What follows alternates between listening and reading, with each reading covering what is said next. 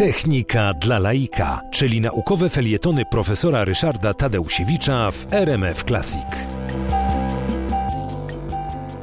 Program, y, który zbudowała Grace Murray Hopper, y, translator, który nazywał się Azero, y, był bardzo no, ubogi w możliwości, ale natychmiast informatycy, ludzie zajmujący się komputerami zorientowali się, jak wielki potencjał intelektualny niesie właśnie to pojęcie translatora i człowiekiem, który no, zrobił ogromny krok w kierunku tego, żeby komputery mogły no, posługiwać się językiem, czy wykorzystywać programy pisane w języku wygodnym dla człowieka, był John Backus, y, który w 1957 roku w firmie IBM, IBM to taka ważna dla informatyki firma, mnóstwo innowacji właśnie tam powstawało, y, y, John Backus stworzył język, który nazywał się Fortran.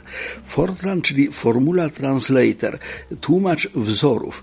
To był język, który pozwalał pisać wzory matematyczne w sposób taki, że komputer umiał się nimi posłużyć i mógł na tej podstawie prowadzić obliczenia. Wzory mogły dotyczyć zagadnień naukowych, mogły dotyczyć zagadnień wojskowych, mogły dotyczyć e, zagadnień gospodarczych i było to bardzo potężne narzędzie.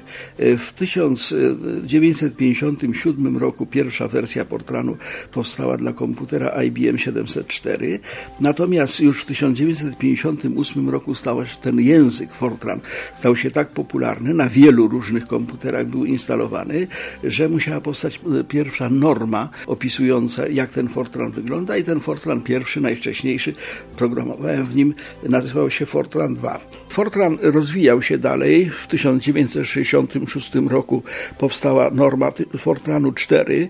E, między innymi polskie komputery e, serii Odra 1300 pracowały w Fortranie 4.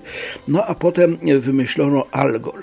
Algol y, wymyślili teoretycy, y, którzy nie zgadzali się z tym, że y, coś tak ordynarnego jak Fortran jest tak ogromnie skuteczne. Wobec tego wymyślono język Algol. Algol 1960, bo to wtedy jego zdefiniowano. Ale okazało się, że programy pisane w Algolu były mało skuteczne. Po prostu działały wolno i nieudolnie. Wobec tego wszyscy zachwycali się Algolem, ale wszyscy używali Fortranu.